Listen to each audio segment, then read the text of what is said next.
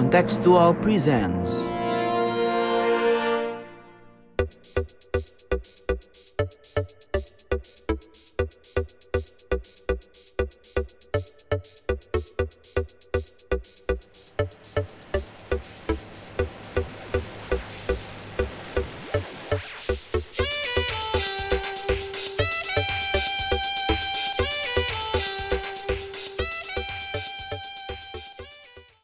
Selamat datang kembali di podcast kasual, katanya kontekstual. Yoi. Yoi. Sini kita Yoi. bakal jawab-jawab ini pertanyaan kalian yang udah masuk ke sosmednya kontekstual. Makasih banget buat kalian-kalian yang udah nanya, pertanyaan yang masuk udah banyak dan bagus-bagus banget nih. Dan nanti kita bakal jawabin satu-satu, ada lima yang terpilih nanti. Terus belum yang belum kejawab, sorry banget karena terbatas juga waktu kita. Tapi kalian tetap bisa nanya terus. Caranya langsung aja mention atau komen ke sosmed kita. Di Twitter ada @kontekstualcom, di IG ada @kontekstualcom juga kapan aja dan di mana aja. Jangan lupa juga buat follow podcast ini, podcast kasual di Spotify, Anchor, Apple Podcast dan platform lainnya. Dan tentunya sering-sering berkunjung ke website kita kontekstual.com untuk berita HI terkini, opini menarik, dan artikel ilmiah. Oke. Yo, Eh, terima kasih ya buat teman-teman udah follow Spotify, sudah mendengar dan menyebarkan dan sudah bertanya selama kira-kira podcast kasual ini udah jalan satu bulanan ya, satu bulan. Yoi. bulan. Eh, 200-300 pendengar. Gue senang banget kalau gue gue pribadi terima kasih banyak juga kalian eh, mau support dan mau nyebarin.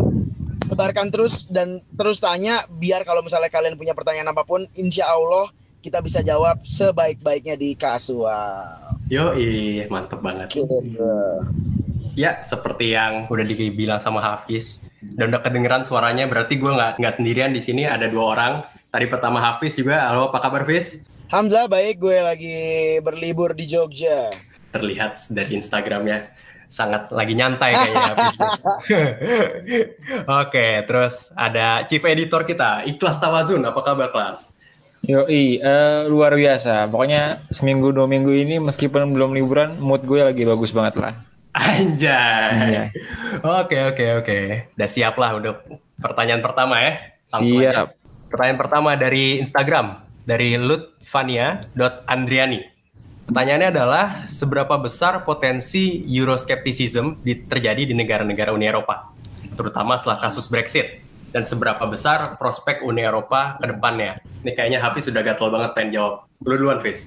Jadi pertanyaannya kan sebenarnya iya. Jadi apakah bakal menyebar dan apakah eh, ini bakal terus terjadi gitu? Eh, maksudnya akan eh, domino ke negara-negara lain gitu kali ya simpelnya ya, Yoi. Raf ya. Yo yo. Nah eh, sebenarnya Euroskeptics itu adalah sesuatu yang menurut gue sejauh ini ya selama EU ada dari tahun 90-an sesuatu yang angkanya stagnan karena memang eh, kondisi society-nya udah sampai di titik yang stagnan di di mana di Eropa Barat ya di terutama di negara-negara anggota EU. Apa maksud gue stagnan? Maksudnya udah well established eh, in which eh, pergerakan dari urbanisasi ke eh, kota atau pergerakan dari kota ke desa atau eh, social mobility-nya itu sudah terjadi secara em, secara secara otomatis dan secara em, secara seamless gitu. Apa maksud gue dari kata-kata itu? Itu yang membuat demografi politik dari eh, negara-negara EU stagnan juga. Ini gue kasih contoh aja ya. UK itu bukan baru sekarang-sekarang ini dia Euroskeptics gitu. UK dari bergabung eh, di tahun 75 sampai dia kemarin keluar di tahun 2020 itu ot- apa relatif stagnan eh, Euroskepticismnya di angka 60%. Pun masuk ke EU eh, itu kan tanpa referendum ya. Eh, sorry, referendum eh, EEC. Itu untuk bergabung di European Economic Communities ya, belum EU namanya, namanya EEC. Nah, eh, hasilnya pada saat itu yes 67%. Di saat EEC ya tahun 75 support atas EEC itu kuat. Tapi ketika EU menjadi sebuah eh EEC berubah menjadi EU menjadi organisasi politik yang makin kuat yang terasanya udah bukan lagi ekonomi ya tapi udah kayak eh, wilayah politik entitas kayak negara itu langsung skeptisismnya naik dari yang tadinya 60% yes jadi 60% no. Dan angka itu relatif stabil di 55 sampai 60% untuk orang-orang yang skeptis atas EU, atas EU itu sendiri. Jadi bedain ya EEC dengan EU. Nah, eh, maka dari itu kalau ngomongin eh, kalau ngomongin UK, ya memang dari semenjak EU di establish uh, tahun tahun 91 uh, eh 92 sorry itu memang sudah ragu atas atas EU ini sebagai political project. Dan titik utamanya adalah tahun 2004 ada bendera resminya sekarang ada benderanya tapi menjadi bendera kayak resmi terus ada anthem resmi terus bahkan sekarang ada uh, gagasan Euro Army. Nah itu yang ngebuat si EU ini makin tidak uh, populer di kalangan uh, konservatif dan kalangan nasionalis UK Republicans UK konservatif UK nasionalis UK itu nggak suka dengan uh, gagasan EU itu praktis cuman orang-orang neolib yang memang pro dengan EU, neolib elit ya establishment dan itu angkanya 30-40 persenan. Itu satu. Nah, jadi kalau kita berkaca di negara seberangnya gitu, misalnya di Belanda, di Portugal, di Spanyol, kita juga harus mengkaji itu satu persatu. Kita harus assess um, apa uh, bagaimana setiap negara itu melihat masyarakatnya. Kayak kalau kita ngomongin Belanda, di Belanda itu uh, udah satu dekade juga pemerintahnya konservatif tengah, kayak David Cameron. Dan itu membuktikan bahwa orang-orangnya masih pro UK eh sorry pro EU jadi apa uh, aliansi ke arah sana itu yang menurut gue um, apa menurut gue membuat negara-negara anggota Eropa daratan EU Eropa daratan itu uh, kayaknya nggak akan ke arah sana apalagi Jerman dan Perancis yang memang diuntungkan dengan EU menurut gue pribadi uh, yang paling mungkin dekat dengan Brexit adalah Yunani karena situasi uh, ekonomi di sana yang uh, menurut gue hancur gara-gara eurozone ya. Tapi uh, itu pun uh, masih akan sangat panjang karena Yunani punya kebutuhan lain juga dengan EU dan punya hutang yang besar gara-gara krisis kemarin ke EU juga yang membuat Yunani juga akan sangat sulit untuk keluar dari EU karena konsekuensinya besar. Nah, jadi apa poin gue? Poin gue adalah uh, kita nggak bisa nih assess uh, setiap uh, seti assess bahwa ini akan, akan domino ke seberang tapi yes, nasionalisme is on the rise. Tapi setiap negara punya mekanismenya masing-masing. Dan kayak misalnya di apa di di Spanyol, Portugal, itu mereka juga punya kaum kiri yang kuat, kiri nasionalis ya. Tapi tetap tidak um, tidak membuat mereka harus lepas dari EU atau tidak membuat mereka harus merasa lepas dari EU. Kenapa? Karena semua negara itu juga punya uh, persentase keraguan atas EU yang kecil di bawah 50%. Jadi memang praktis dari tahun 90 hanya masyarakat UK yang punya skeptisisme di atas um, apa di atas 55% itu. Bisa dicek sendiri surveinya di uh, internet banyak uh, keraguan atas EU itu dan menurut gue kalaupun akan terjadi domino tidak dalam waktu dekat karena negara 27 negara anggota lainnya menurut gue um, punya keterikatan yang sangat besar atas EU berbeda dengan uh, UK yang memang dari awal udah ragu nih nggak mau ikutan eurozone nggak mau apa sama-sama visa Schengen yang kayak gitu-gitu uh, menurut gue jadi bukti sih kalau UK memang case yang berbeda dibanding negara-negara Eropa daratan lainnya yang udah jadi anggota EU gitu sih sorry agak panjang ya tapi emang kayak gitu Oh nice nice. Kalau menurut lu pas lu ngeliat ngeliat Euroskepticism ini gimana? Oke, jadi ya gue kurang lebih sepakat sih secara garis besar dengan Hafiz tadi kan kalau ya Euroscepticism tuh dari dulu udah ada dan sebenarnya uh, trennya tuh ya relatif stagnan gitu. Ya ada ups and downs-nya tapi kurang lebih segitu gitu. Cuman uh, kenapa Brexit terjadi mungkin ya karena dia dapat sempat dapat momentumnya juga kemarin. Iya dan apa emang untuk Britain ini dia emang spesial situ. Jadi kita lihat dari awal bahwa dia emang nggak sepenuhnya ingin terintegrasi dengan EU dengan penolakan terhadap visa Schengen dengan intervensi di domestik di politik domestiknya dan ya itu juga gitu yang mempermudah udah dan udah sempat diadain referendum juga kan sebelumnya cuman pada referendum yang kali ini aja kebetulan dia dapat bisa majoritinya dari yang Eurosceptics ini dan akhirnya terjadi Brexit. Uh, buat negara-negara lainnya meskipun apa ya banyak lah kalau gue mungkin nggak cuma Yunani ya yang uh, bisa dibilang ada potensi-potensi keluar dari EU itu kayak misalnya Polandia kan yang dia uh, apa ya dari ruling coalition itu kayak beda banget sama apa namanya sama uh, sisa-sisa negara EU yang dia tuh PIS yang ya partai yang apa namanya ya konservatif religius banget gitu. Nggak nggak liberal kayak negara-negara lainnya tapi perbedaan itu pun gue nggak yakin dia bisa apa namanya menyebabkan keluarnya Polandia dari EU atau tumbuhnya Euroskeptik lainnya gitu. Karena kan kalau kita bicara Euro, Uni Eropa itu maka dia melibatkan berbagai faktor yang banyak gitu. Kalau dia ada bermasalah di faktor ekonomi, dia masih ada ketergantungan lain di faktor sosial, faktor politik, dan faktor-faktor lainnya. Jadi uh, menurut gue sama kayak tadi sih nggak nggak akan terjadi uh, perluasan dari Euroscepticism apalagi sampai ada negara lain yang keluar dari EU setidaknya dalam waktu dekat ini sih. Oke oke oke. Sebenarnya ada bagian kedua dari pertanyaan yang belum kejawab sebenarnya. Apa tuh? Uh, seberapa besar prospek Uni Eropa ke depannya? Menurut gua Uni Eropa will be here, will be uh, out there for a long time. Karena uh, lo mau baca buku dari sayap kiri kayak punyanya Yaris Varoufakis yang gue juga udah baca. Terus gue juga baca dari sisi kanan. Um, both mengakui kanan tengah ya sorry center right uh, neolib uh, mereka mengakui bahwa EU itu adalah political project yang akan terus bertahan dan uh, mereka punya segala sumber daya resources uh, dan apa ya legit legitimasi juga dari negara-negara anggota terutama dari Prancis dan Jerman untuk terus melangsungkan hidupnya karena Prancis dan Jerman membutuhkan EU sebagai kendaraan mereka menjadi adidaya at least di kawasan Eropa jadi uh, at least kalaupun EU porak-poranda ya, Prancis dan Jerman will be there untuk menyelamatkan uh, wajah dari EU itu.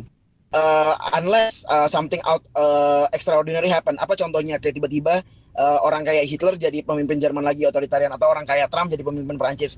Yang menurut gue even uh, kayak Le Pen ya, Le Pen yang pengen apa pengen jadi uh, pemimpin Prancis, uh, presiden Prancis pun uh, dia nggak dapat suara majority yang gede dan suaranya cuma kayak 5-10%. So, my point is uh, Prancis dan Jerman dan negara-negara lain sekitarnya Belanda, Belgia itu uh, nyaman dengan kehadiran EU. Jadi menurut gue uh, it will be there for a long time. Brexit nggak akan uh, mengubah itu semua.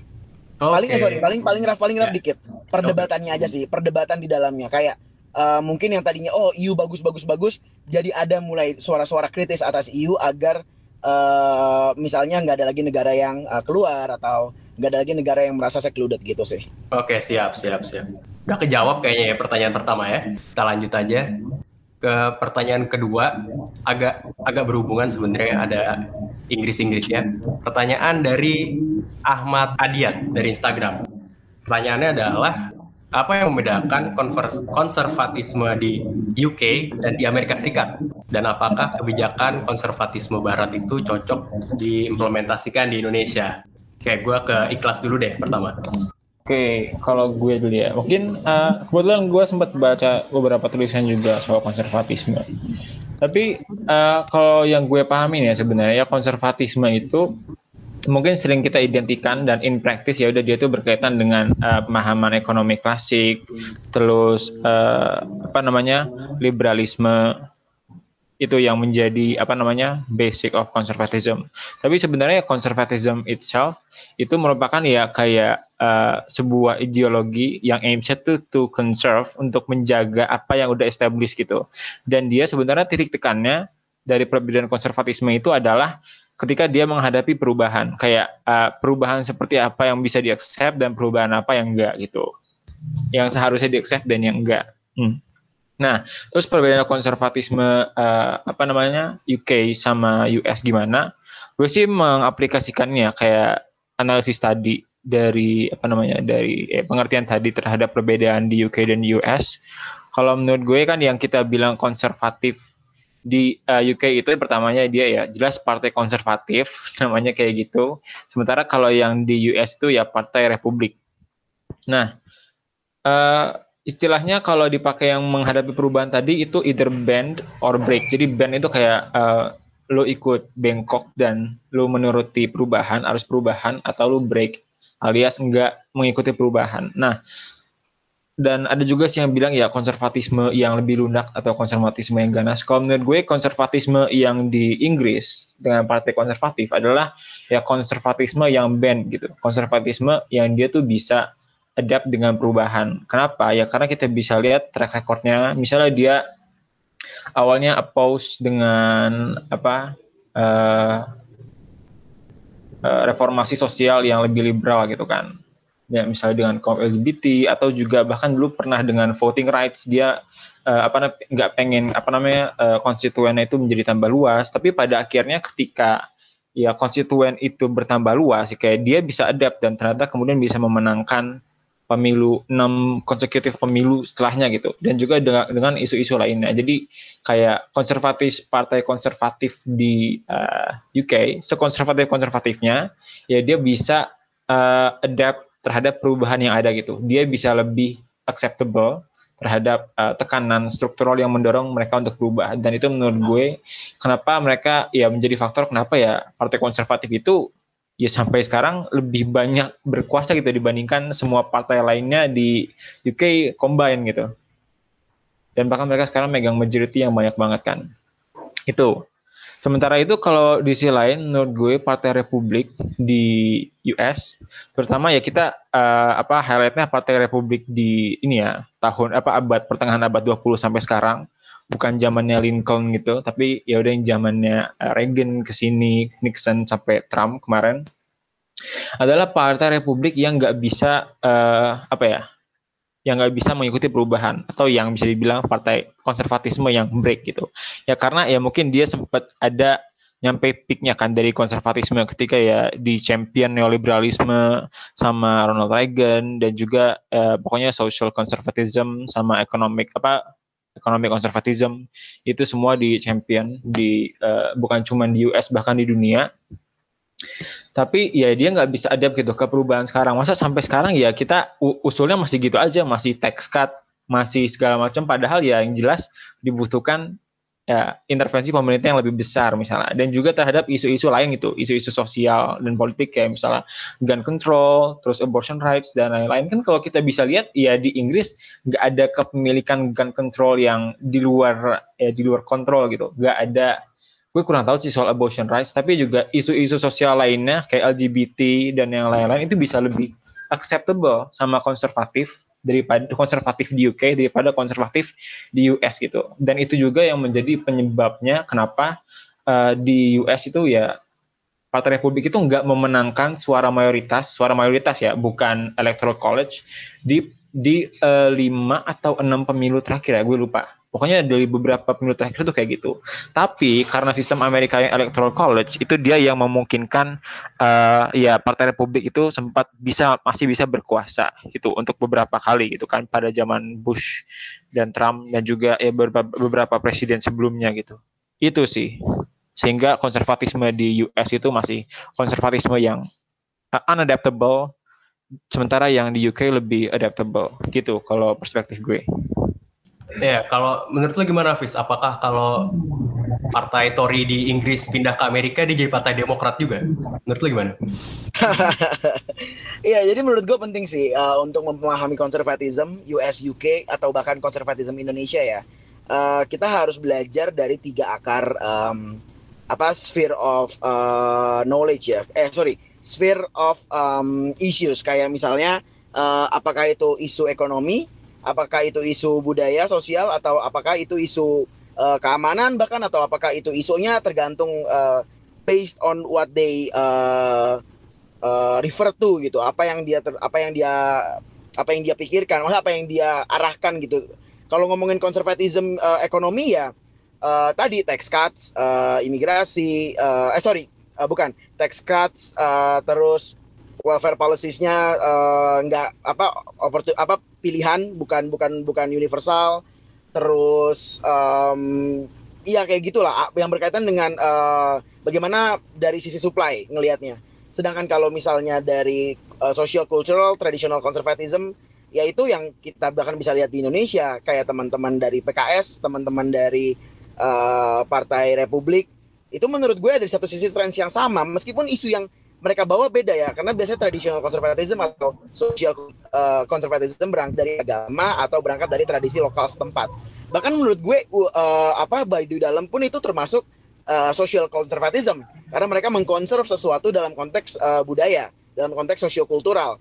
Jadi uh, un penting untuk melihat konservatisme tidak sebagai sebuah um, definisi dan penjelasannya sama di seluruh dunia tapi penting untuk melihatnya lebih jauh lagi dari gambaran besar biar ketika kita menganalisis uh, setiap konservatisme di, di di suatu wilayah atau di suatu konteks tertentu itu bisa kita sesuaikan. Jadi kita ngelihat konservatisme tuh gitu. Jadi bedanya bukan apakah US dan UK beda, tapi apakah kons apa konservatisme yang dibawa. Kalau di US di saat ini uh, konservatisme yang dibawa strength-nya adalah one nation Tory, which is um, socially liberal, economically konservatif. Uh, jadi makanya ada perbedaan dengan Republikan yang memang economically uh, konservatif dan juga socially konservatif. Jadi itu aja kita bisa tinggal bilang kan, oh benar nih kalau misalnya si kenapa konservatif UK pro LGBT yang sekarang yang Boris karena One Nation Tory. Tapi misalnya nanti um, eh, btw One Nation Tory itu dibawa sama Benjamin Disraeli uh, di, di dicanangkan di, di dibesarkan sebagai ideologi partai konservatif sama Benjamin Disraeli di tahun 1870-an.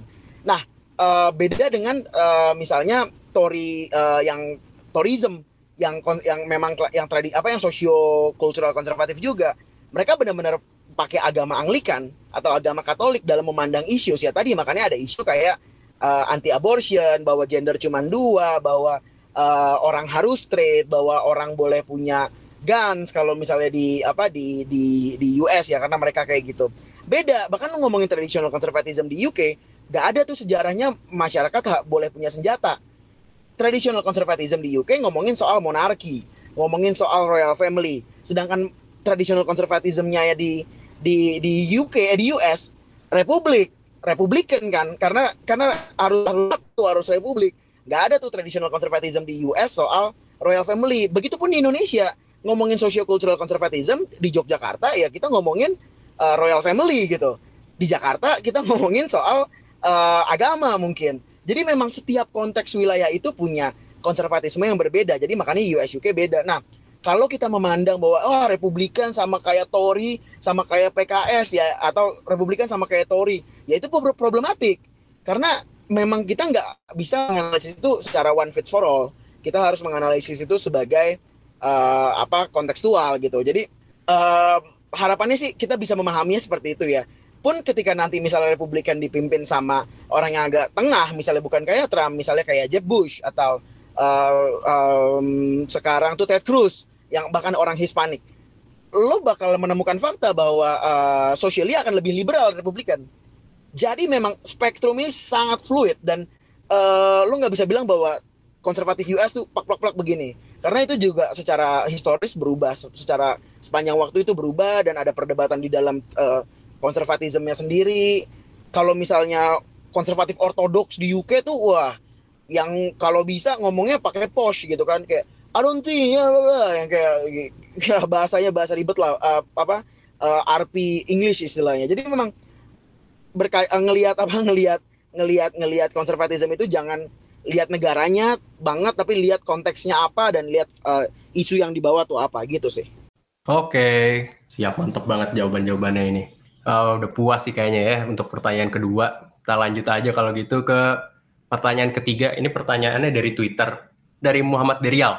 Kita kembali ke Indonesia dulu. Pertanyaannya adalah apakah dengan kondisi Indonesia sekarang Indonesia masih mendapat respect dari negara-negara lain atau ternyata Indonesia itu terlalu overrated terhadap dirinya sendiri? Wah, boleh uh, Afis.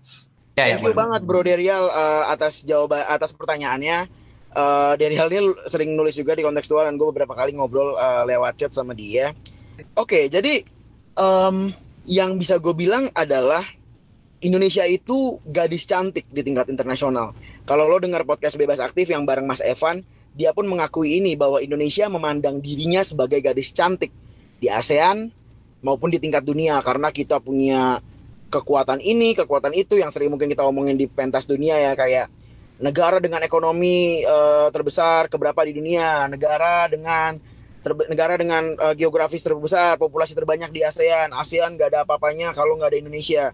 Which is true. Which is true. Jadi kalau dibilang Indonesia uh, itu overrated, itu enggak. Tapi pertanyaan Derial ada benarnya bahwa orang Indonesia, uh, sorry, uh, pemerintah Indonesia dalam kebijakan internasionalnya, internasionalnya ya, post reformation menurut gue sangat underwhelming dan sangat kebingungan mau ke arah mana. Entah karena memang bebas aktifnya entah karena memang orang-orangnya masih bingung karena takut masyarakatnya tidak siap dengan pengambilan sikap di Indonesia. Kita kan selalu main aman ya kalau pokoknya kalau uh, apa yang konstituen suka gitu. Pokoknya kalau isu Israel Palestina ya Palestina. Kita nggak membuka diskusi apakah boleh ada two state solution atau uh, ada apakah ada ruang untuk orang yang pro uh, pro Israel misalnya uh, pun yang lain di isu-isu yang kontroversial kita juga sebenarnya uh, berasa punya apa ya pengennya ada di tengah aja gitu kan eh, meskipun kayak tadi yang isu Palestina Israel ada ngambil stand tapi itu karena konstituennya. Di isu-isu lain kita sangat bebas dan aktif to the point that eh, kita nggak siap untuk punya visi tentang apa yang kita percaya. Apa sih yang Indonesia percaya? Apakah atau apa sih yang pemerintah yang sedang berkuasa itu percaya? Apakah itu nasionalisme atau internasionalisme? Mungkin SBY sedikit lebih baik ya saat itu waktu dia bilang kayak one friends eh, no apa thousand friends zero enemy bahwa em, kita ingin mengambil respect dan kita ingin eh, membangun hubungan baik dengan semua negara di dunia. Just kelihatan itu internasionalis. Tapi saat ini gue nggak ngelihat kalau kita memang nasionalis, siapa kita untuk memproteksi negara-negara yang punya gagasan nasionalis lainnya atau bekerja sama dengan negara-negara yang memang nasionalistik, yang patriotik dengan negara la- yang di negara lain. Contohnya mungkin bisa kayak orang-orang di Malaysia, sangat patriotik gitu kan, atau mungkin orang-orang Turki nasionalis gitu. Siapa kita untuk em, bilang bahwa kita adalah kita siap untuk menjaga eh, kedaulatan sesama negara nasionalis, atau menjaga sama negara demokrasi, atau menjaga sesama negara liberal. Demokrasi mulai kelihatan lah dengan Bali Demokrasi Forum, tapi menurut gue nggak cukup. Jadi sebenarnya itu yang membuat Indonesia jadi overrated. Dia dia udah direspek, dia udah dianggap sebagai besar, tapi masih malu-malu karena tadi gadis cantik yang merasa pede, oh semua orang bakal datang dan semua orang mau tunduk sama dia. Padahal nggak kayak gitu. Kita harus juga exercise bahwa ya gadis cantik eh, memang agak misoginis sih kalau kata Mas Evan bener juga. Tapi poinnya adalah eh, apa? Poinnya adalah bahwa Indonesia harus siap eh, untuk exercise apa yang dia punya. Jadi nggak cuma berharap orang melihat eh, kekuatannya dan tunduk gitu. Kita harus exercise apa yang kita punya nggak cuman oh nih gue punya ini loh, tapi kita juga harus exercise bahwa ini loh kita punya ini dan gue nunjukin bahwa gue siap untuk bertarung agar yang gue percaya dan apa yang kita punya ini eh, beneran eh, bisa kita bisa kita bisa kita pertahankan. Contoh yang nyatanya adalah eh, siap nggak lo jadi pemimpin negara eh, pemimpin ASEAN negara-negara anggota ASEAN siap nggak kita jadi eh, soko gurunya ASEAN secara eh, real kayak Jerman dan mungkin Perancis di EU. Kalau kita udah siap kayak gitu, pasti respect akan datang eh, lebih besar dari dunia internasional. Saat ini menurut gue Indonesia terlalu pede, overconfidence. Mungkin bukan overrated ya, tapi overconfidence dengan apa yang dia punya sampai lupa bahwa kita harus mengambil langkah-langkah yang menurut gue eh, signifikan di tingkat internasional gitu. Kalau Lukas, pandangan lu soal ini gimana? Apakah ke depannya sufficient Indonesia untuk gini-gini aja uh, politik luar negerinya? Eh, menurut gue cukup sependapat sih sama Hafiz dan dengan apa ya terminologi gadis cantik yang sebenarnya kalau emang kita bahas eh, perspektif dunia ke Indonesia itu kayak sering banget terminologi itu dipakai dan menurut gue cukup tepat juga. Tapi sebagai konsekuensi dari terminologi gadis cantik itu juga ya gadis cantik menurut gue yang mereka dapat pertama tuh bukan respect gitu loh, tapi justru orang banyak pengen dapat banyak pengen dapat sesuatu dari lo gitu. Dan what comes first tuh bukan respect tapi kayak ya gimana caranya eh, apa gue bisa dapat sesuatu dari lo gitu. Keuntungan buat diri mereka sendiri. Dan kalau dengan peran Indonesia sejauh ini ya apa ya menurut gue in di satu sisi kayak ya Indonesia berperan aktif di dunia internasional sebagai bridge builder sebagai apa champion of multilateralism dan lain-lainnya itu bagus. Dan it will gain eh, apa ya kayak positive respect buat Indonesia juga. Tapi respectnya itu is kayak different kind of respect dibanding kayak ya misalnya kita sebagai negara yang powerful atau negara yang gimana. Jadi menurut gue kita lebih kayak dapat respect sebagai negara yang apa ya sebagai eh, atas kredibilitas kita di dunia internasional gitu. Tapi bukan kita sebagai Indonesia itu sendiri. Agak susah ya tapi ya kurang lebih kayak gitu gitu. Menurut gue kita dapat respect itu lebih atas dari peran kita di dunia internasional. Tapi Iya, kita kitanya sendiri itu eh, kurang sebenarnya menurut gue. Iya, itu maksud gue dengan exercise bahwa ya lu ngomong Indonesia pro demokrasi, Indonesia pro perdamaian, tapi apa yang udah dilakukan? Belum banyak kan? Nah, itu yang membuat gue respectnya jadi belum datang ya kelas ya. iya setuju banget tuh Oke, iya. siap, siap, siap, siap, siap. Oke, oke. Kalau gitu kita lanjut aja ke pertanyaan ke empat. Ini pertanyaannya agak panjang, jadi gue ringkas aja. Pertanyaan dari Instagram dari Luthrian. Pertanyaannya itu eh, tentang konflik India Pakistan soal Kashmir. Jadi dia nanya soal potensi industri pariwisata di Kashmir yang merupakan salah satu aspek yang direbutin antara India dan Pakistan. Terus dia bertanya bagaimana Indonesia sebagai negara yang mungkin lebih berpengalaman soal ini bisa berkontribusi untuk memecahkan masalah ini di antara mereka. Lalu, bagaimana nantinya hubungan Indonesia dengan kedua negara ini, khususnya Pakistan yang sama-sama negara mayoritas Islam ke depannya? Uh, mungkin ikhlas dulu, guys. Oke, gue agak ini dengan logika pertanyaannya sebenarnya gimana. Uh, pertama-tama perlu diketahui Indonesia punya hubungan baik gitu, baik dengan Pakistan ataupun India. Dan kalau mau kita runut ke awal terjadinya konflik, sebenarnya kayak Indonesia sempat ada di side Pakistan sih. Kalau eh, eh, correct me if I'm wrong gitu ya. Tapi kalau nggak salah gitu. Tapi itu juga nggak dengan mengorbankan hubungan baik dengan India gitu. Jadi sampai sekarang Indonesia tetap berhubungan baik dengan uh, kedua pihak gitu. Dan uh, berpotensi juga kalau dengan hubungan baik itu menurut gue ya ke Indonesia punya potensi untuk menjadi apa namanya bridge builder gitu antara kedua negara. Misalnya untuk menghadirkan perdamaian di sana gitu di daerah Kashmir terutama. Tapi apakah Indonesia bisa merealisasikan itu gitu? Gue nggak nggak yakin juga deh. Mungkin ada hubungannya sama pertanyaan kemarin. Ketika ya kita proximity-nya agak jauh dan kita nggak terlalu punya kepentingan di sana, nah kita akan less likely to be present gitu di sana. Dan ya emang ini kan konflik yang udah lebih panjang ya dibandingkan konflik-konflik yang pernah ditanganin sama Indonesia gitu. Kayak ini konflik laten dan sebenarnya agak bingung juga sih ngebacanya peran Indonesia itu mau di mana apalagi dihubungin dengan pariwisatanya menurut gue kayak ya perdamaian dulu gitu baru pariwisata. Uh, dan yang kita bisa lihat juga ya Pakistan sama India perkembangan ya kalau paling sekarang kan ya udah ada inisiatif baik gitu udah untuk perdamaian setelah panas-panas pada 2019 dan 2020 tuh sampai serang-serangan dikit. Jadi nggak tahu gue nggak tahu kira-kira bisa ada peran Indonesia apa di antara India dan juga Pakistan terlebih lagi di Kashmir gitu mungkin uh, kita bisa konsultasi dulu dengan uh, Bu Menlu ya. Atau ini. Gue tidak tahu nih agak advance. Gue lanjut ya. Kalau gue sih ngeliatnya gini ya untuk Kashmir uh, itu case yang jelas yang bisa mediasi cuman either Britania Raya atau PBB uh, atau uh, regional leader di kawasan which is bisa jadi cuma bilateral antara India dan Pakistan. Nah uh, seperti yang gue bilang juga di beberapa podcast sebelumnya bahwa kasus-kasus konflik perbatasan itu memang lebih baik diserahkan ke menjadi masalah kawasan karena kalau dibawa ke ranah internasional malah bisa jadi pemilu perang jadi gue selalu bilang stance kayak gitu. Nah, uh, apakah Indonesia bisa ngebantu Kashmir nih? Kalau sampai perdamaian sudah bisa dicapai, tentu bisa ya.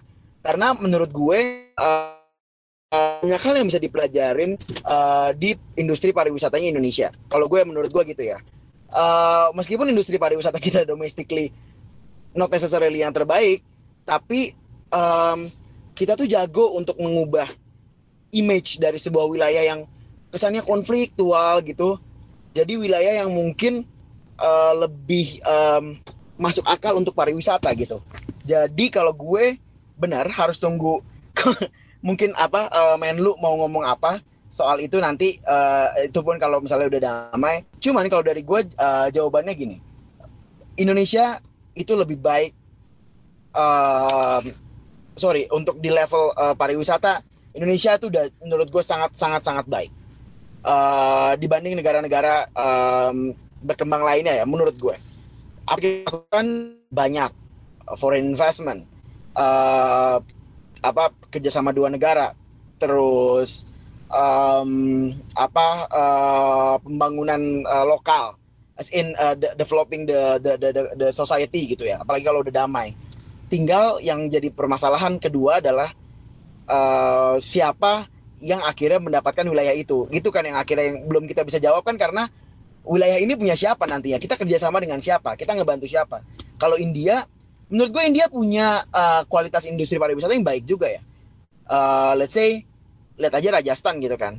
Tapi tetap uh, banyak banget sih peluang uh, tapi kita nggak bisa kita nggak bisa uh, menjawab secara real sekarang apa yang bisa kita berikan. Tapi at least conceptually uh, apa yang gue sebut tadi foreign investment atau apa uh, kerjasama pembangunan uh, masyarakat atau bahkan peace building di wilayah tersebut uh, untuk ngebangun pariwisatanya itu sebenarnya hal-hal yang bisa kita uh, ekstrak atau bahkan kita bisa sampai ngasih pelatihan untuk um, apa services uh, tourism services di wilayah Kashmir itu. Tapi balik lagi kita ber, kita berharap mudah-mudahan uh, konfliknya selesai dulu lah di sana ya. Gitu sih kalau dari gue. Oke oke sip sip sip sip. Kalau gitu kita langsung aja ke pertanyaan terakhir. Ini pertanyaannya lumayan aktual sebenarnya. Ini pertanyaan di Instagram dari flow.ren. Pertanyaannya adalah uh, aksi dan organisasi terorisme telah banyak terjadi di dunia dan tidak sedikit penduduk yang menjadi korban sebenarnya bagaimana sih sejarah dan latar belakang dari aksi dan organisasi terorisme ini? Dan apakah negara bisa menghilangkan aksi dan organisasi terorisme di negaranya atau bahkan di dunia secara keseluruhan? Uh, lu dulu, Fis. Simple ya. Simple banget. Uh, walaupun jawabannya, walaupun solusinya kompleks, tapi kita harus tahu dulu bahwa uh, terorisme adalah permasalahan transnasional.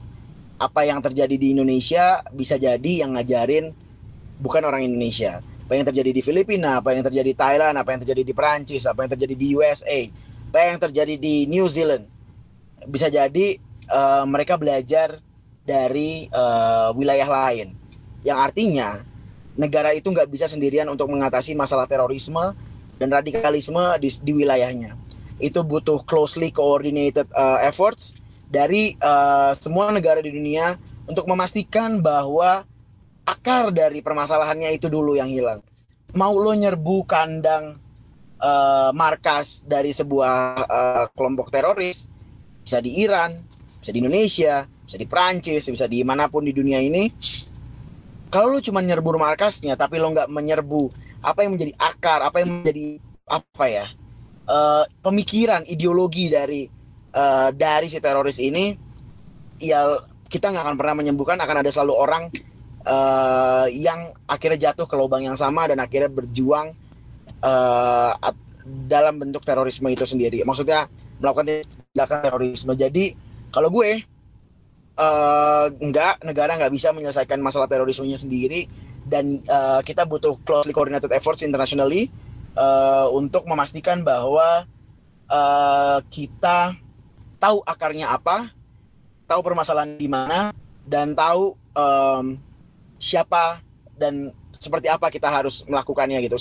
Siapa yang kita tuju dan siap seperti apa kita harus uh, me, me, me, menyelesaikannya. Gue bisa bilang kalau um, ya banyak banyak paham uh, yang problematik, tapi gue yakin bahwa setiap paham yang problematik itu bisa diselesaikan, bisa diperbaiki, uh, bisa di um, dimoderatkan sehingga tidak merugikan orang lain. Kalau gue sih ngeliatnya gitu.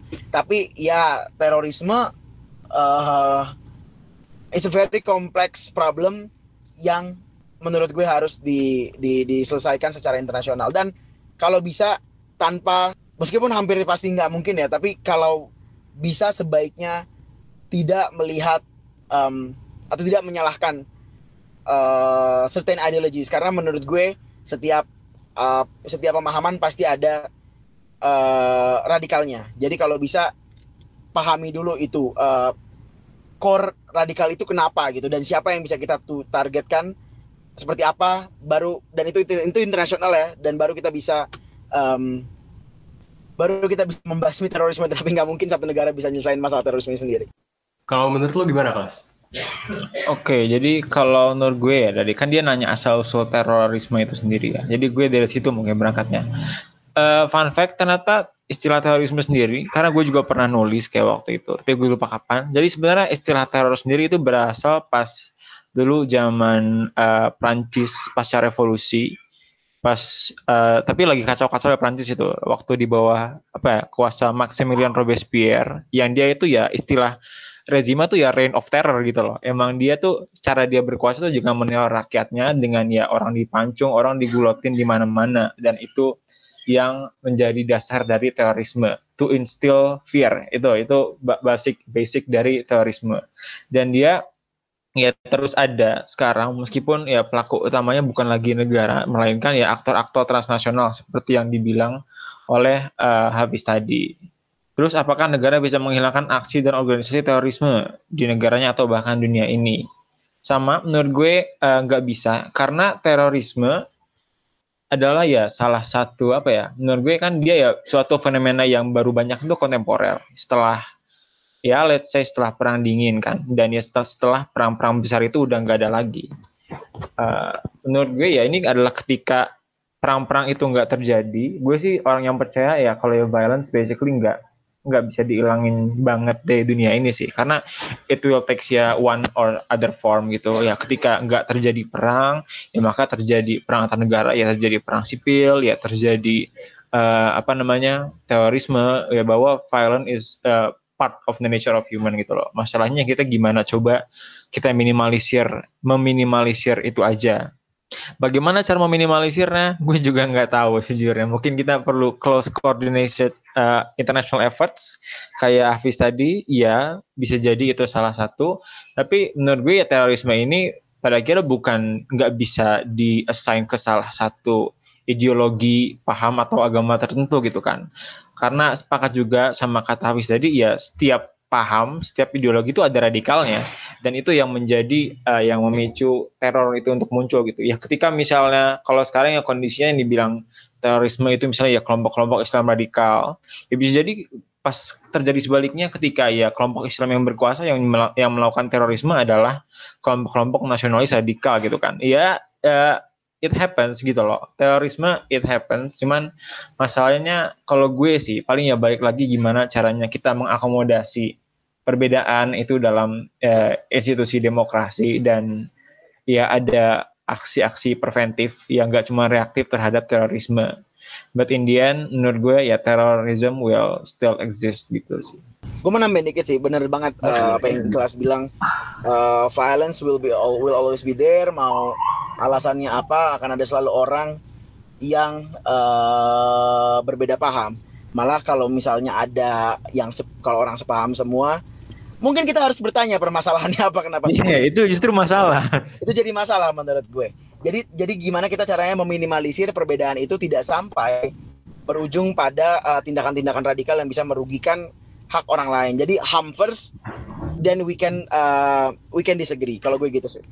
Iya, dan paling satu lagi nih, kayak uh, terorisme itu juga bukan sesuatu yang bisa lu bubarkan dengan mudah gitu loh. Kayak meskipun ada ya organisasi namanya ISIS gitu kan tapi apakah kalau ISIS bubar maka teror terorisme itu nggak ada gitu kan kan ya uh, terorisme itu bukan lembaga gitu loh dan kalau kata apa ya anak antropologi itu mungkin terorisme itu sesuatu yang beroperasinya lebih kayak berdasarkan jaringan. Jadi kayak ya udah kayak orang-orang yang memiliki emosi atau tujuan yang sama memiliki motivasi yang sama ya kemudian dia uh, apa namanya ya dia melakukan tindakan teror itu gitu. Itu tindakan teror itu nggak harus dari satu organisasi nggak harus terinstitusionalisasi tapi juga bisa kan kayak ada teror-teror yang lone wolf gitu. Dan menurut gue yang kayak gitulah yang justru lebih susah lagi buat di uh, berantas sama negara gitu. Alright, oke okay, oke okay, oke, okay.